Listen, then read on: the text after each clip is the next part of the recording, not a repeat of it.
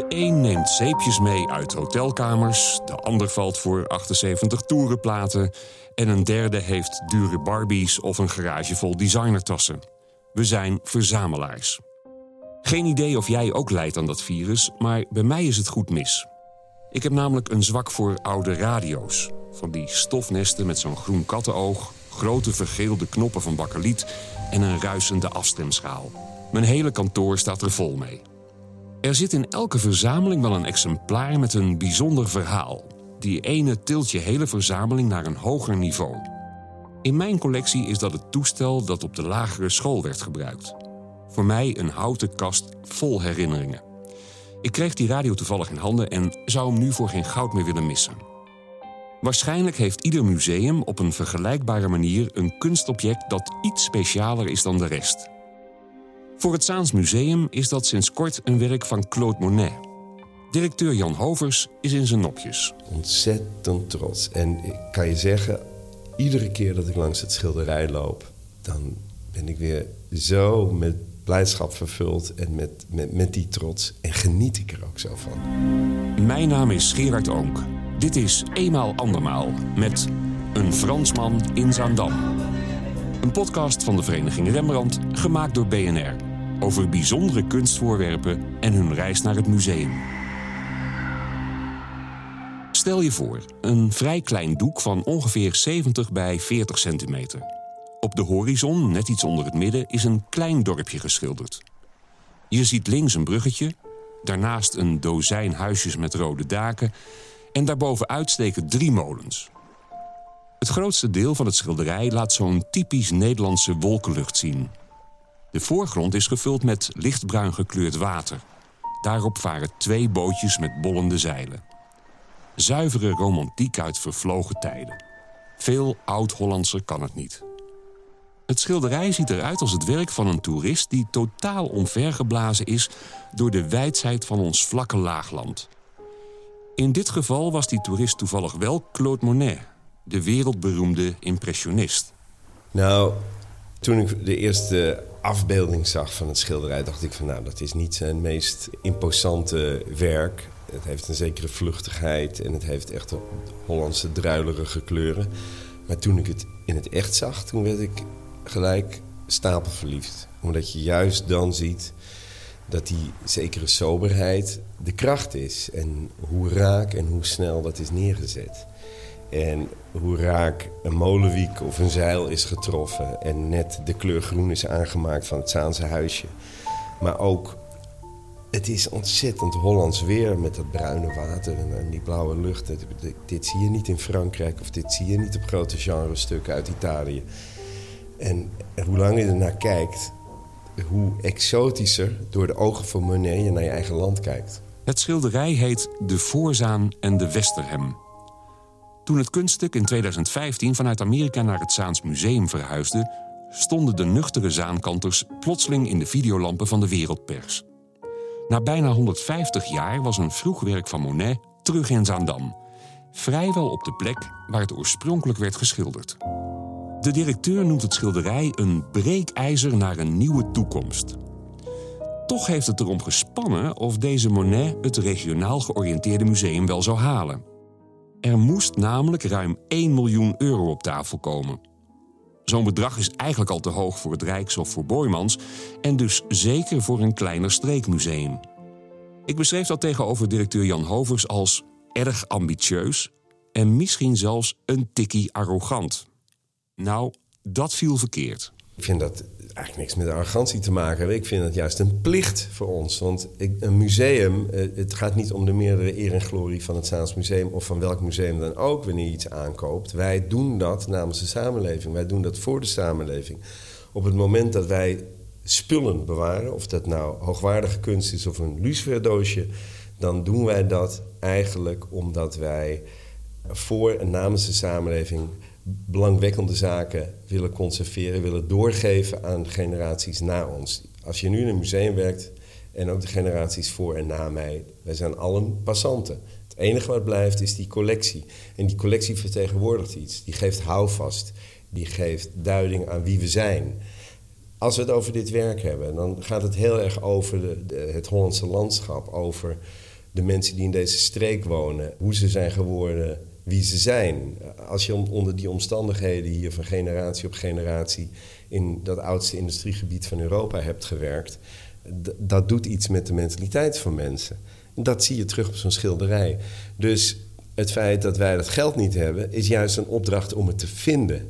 Het gaat niet om het museum, het gaat erom dat we dit behouden en dat we het doorgeven. Dus het is een plicht om het te doen. Plicht of niet, het museum moest geld zien te vinden. Zo'n enorm bedrag bij elkaar schrapen lukt alleen als de grote fondsen een serieuze bijdrage willen leveren. Als er dan één schaap over de dam is, volgt de rest meestal ook wel. Toen we ernaar keken, heb ik aan de conservator gevraagd. Nou ja, het belangrijkste is om uit te zoeken of de vereniging Rembrandt uh, dit werk een toevoeging vindt voor de collectie Nederland. Is het, hè, er zijn uh, twee andere werken uit de Zaanse periode van Monet in Nederland. Eentje het Van Gogh en eentje het Krullen-Müller. Is de vereniging Rembrandt geneigd om dit te overwegen, dan hebben we een kans. Want zij financieren vaak 50% van hun aankoop en op het moment dat zij nee hadden gezegd, dan had ik het niet gedurfd. En eh, dan was de weg te lang geweest. Maar het, niet alleen het feit dat we door de toezegging uiteindelijk de helft van het bedrag bij elkaar hadden, werkt dat natuurlijk buitengewoon als een vliegwiel. Want dan uh, geeft dat een status aan het werk. En dan vinden heel veel partijen dat ze eigenlijk niet achterwege kunnen en willen blijven. Ook een club als bijvoorbeeld Ahold, die redelijk terughoudend vaak zijn, toch vonden dat ze als uh, van origine Zaans uh, bedrijf, en nog steeds hier gevestigd, ook een duit in het zakje moesten doen. Dus Vereniging Rembrandt heeft de boel in gang gezet en heeft eigenlijk voor gezorgd dat het daarna rap ging. En binnen vier maanden na het eerste moment was het schilderij ook in onze handen. De bezoekersaantallen van het Zaans Museum groeien de laatste jaren explosief. Dat heeft ongetwijfeld ook te maken met de aanwezigheid van de Voorzaan en de Westerhem. Ik vertel je daarover een paar minuten meer over. Maar laten we eerst eens kijken wat Monet eigenlijk in Zaandam kwam zoeken. De schilder vertrekt in 1870 uit Frankrijk. Zijn geboorteland wordt in dat jaar onder de voet gelopen door de Pruisische kanselier Bismarck. Monet heeft geen zin om soldaat te worden en ontvlucht zijn land. In juni, een jaar later, arriveert de kunstenaar vanuit Engeland in Zaandam. Daar logeert hij vier maanden lang in het plaatselijke hotel. Hij is erg enthousiast over ons land, in ieder geval over de omgeving van Zaandam. Een citaat uit een brief aan een vriend. Eindelijk zijn we aan het einde van onze reis gekomen. We hebben bijna heel Holland doorkruist en werkelijk wat ik ervan gezien heb is veel mooier dan men zegt. Zaandam is wel heel bijzonder. En er is genoeg te schilderen voor een heel leven. Monet schildert als een bezetene. Zijn productiviteit in Zaandam is enorm groot. Alleen al van zijn uitzicht op de Voorzaan en de Westerhem zijn drie verschillende versies gemaakt. De Zaanstreek biedt hem ongelooflijk veel inspiratie. De schildersezel gaat overigens de stad niet uit. Monet houdt zijn werkterrein klein. Laten we even zeppen naar Hester Wandel, zij is de senior conservator van het Zaans Museum en heeft zich verdiept in de handel en wandel van deze bijzondere Fransman in Zaandam. Nou, hij kwam hier op uh, de vlucht voor de Frans-Duitse oorlog. Hij kwam vanuit Londen, waar hij negen maanden was geweest. En hij arriveerde dus op 2 juni 1871 met vrouw en zijn zoontje Jean. En trok uh, in in Hotel de Beurs. En ging waarschijnlijk al vanaf het begin meteen naar buiten om te schilderen. En waarom we precies weten dat hij hier op 2 juni kwam, is omdat hij in de gaten werd gehouden door de politie. Want die Franse vluchtelingen, daar wilden ze niks van hebben, want die konden hier wel gaan oproer kraaien, zeg maar. Dus hij werd in de gaten gehouden en er werd geschreven door een ijverige politieman. Ene Claude Monet is gearriveerd. Hij zegt hier te gaan schilderen, maar ik zal hem in de gaten houden. En een paar weken later, of een paar dagen later, schrijft de politieman ook van... Nee, uh, meneer Monet is uh, echt aan het schilderen. Hij gaat af en toe in een bootje. Dus ja, je ziet dat hij echt meteen aan het werk ging. En uh, echt aan het schilderen. Dus in die korte periode van vier maanden, 25 werken. Dat wil wel zeggen dat hij dagelijks aan de slag ging. Hij uh, schreef dat hij goed werd ontvangen en dat er veel Zaanse mensen ook Frans spraken. Dus dat, hij kon zich aardig redden hier. zijn vrouw zou les hebben gegeven aan rijke Zaanse meisjes, waaronder dus Guurtje van der Stad, het portret wat in het Krullenmuller hangt. En ja, je ziet hem op de schilderijen in bootjes stappen en je ziet zijn vrouw, dus ze maakte wandelingen in de omgeving. Dus um, hij ging aan het werk en zat ook vaak in een boot. En of dat nou is omdat hij dan goed zicht had of om nieuwsgierige mensen tegen te houden, dat weet je natuurlijk niet. En de zaankanters, ja, of ze iets van hem moesten hebben of niet, dat weet ik niet. Er is uiteindelijk maar één werk achtergebleven van de 25 in Zaandam. En één werk heeft hij geschonken aan die andere Fransman die er was, Henri Avard. En uh, ja, die zal het mee hebben genomen naar Frankrijk. Dus hij ging met 23 werken weer naar huis. Het valt op dat het doek de Voorzaan en de Westerhem niet al te groot is. Je zou eigenlijk verwachten dat een schilder het landschap letterlijk meer ruimte zou geven.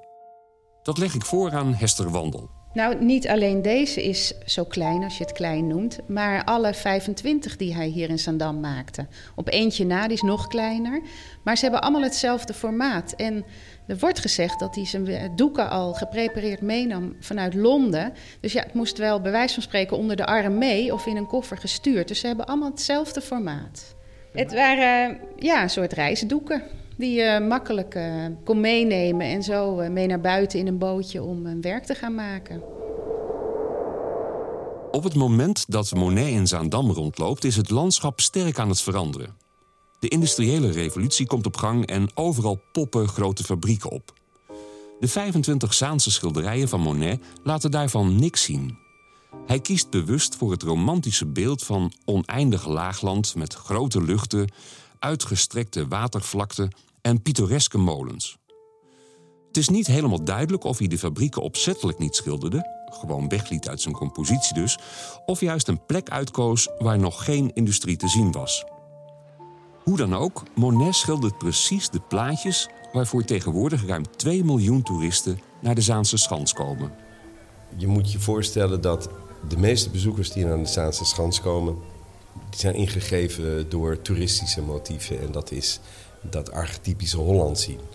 En daarmee komen ze met de selfie-stick. Nou maak ik er een beetje een karikatuur van, maar uh, komen ze hier natuurlijk zichzelf vastleggen voor de molens. Maar er hoort een verhaal bij. Er zit een laag onder. En het Zaans Museum wil heel erg die verdiepende laag aanbrengen en daarmee ook meer diversiteit in het publiek dat hier komt bereiken om te laten zien hoe boeiend dat verhaal is. Een verhaal waar ook Monet doorgegrepen werd destijds. Dus nee, we krijgen niet iedereen het museum binnen. Dat hoeft ook niet. Maar wij denken wel dat het verhaal achter de Zaanse Schans, achter zo'n uh, Zaanse gemeenschap die langs het water leefde, met molens en met allerlei verwerkingsindustrie erachter en thuiswevers en noem maar op. Eigenlijk dat landschap dat Monet heeft geschilderd, daar valt nog veel en veel meer over te vertellen. Het museum heeft daar een hele belangrijke rol in. En zo'n Monet is natuurlijk wederom een mooi breekijzer daarin. Dat je de naam Monet daarbij kan noemen als verleiding voor een gedifferentieerde publiek. Het is extreem belangrijk voor het museum en voor de Zaanse Schans. Het Zaans Museum is ooit gebouwd om zo'n 30.000 bezoekers te ontvangen. Dat aantal is de laatste jaren enorm gestegen en ligt nu al rond de 180.000 per jaar.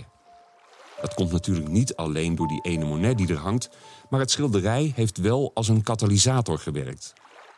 Directeur Jan Hovers is nog iedere dag blij dat hij in 2015 op zoek is gegaan naar ruim 1 miljoen euro. Dat is een conclusie die ik aan het eind van dit verhaal wel kan trekken. Het Streekmuseum is met de aankoop over zijn eigen schaduw gesprongen. Het was wel een turbulente en spannende tijd. Hovers weet het nog goed. Er zijn twee momenten geweest. Uh, het, eerste moment was dat we ongelofelijke spanning dat het werk uh, naar de beoordelingscommissie van de Vereniging Rembrandt ging. En dat we dus ontzettend lang zaten te wachten op, op witte rook. En toen die witte rook kwam van ja, wij ondersteunen het van harte. En daarmee was de helft binnen.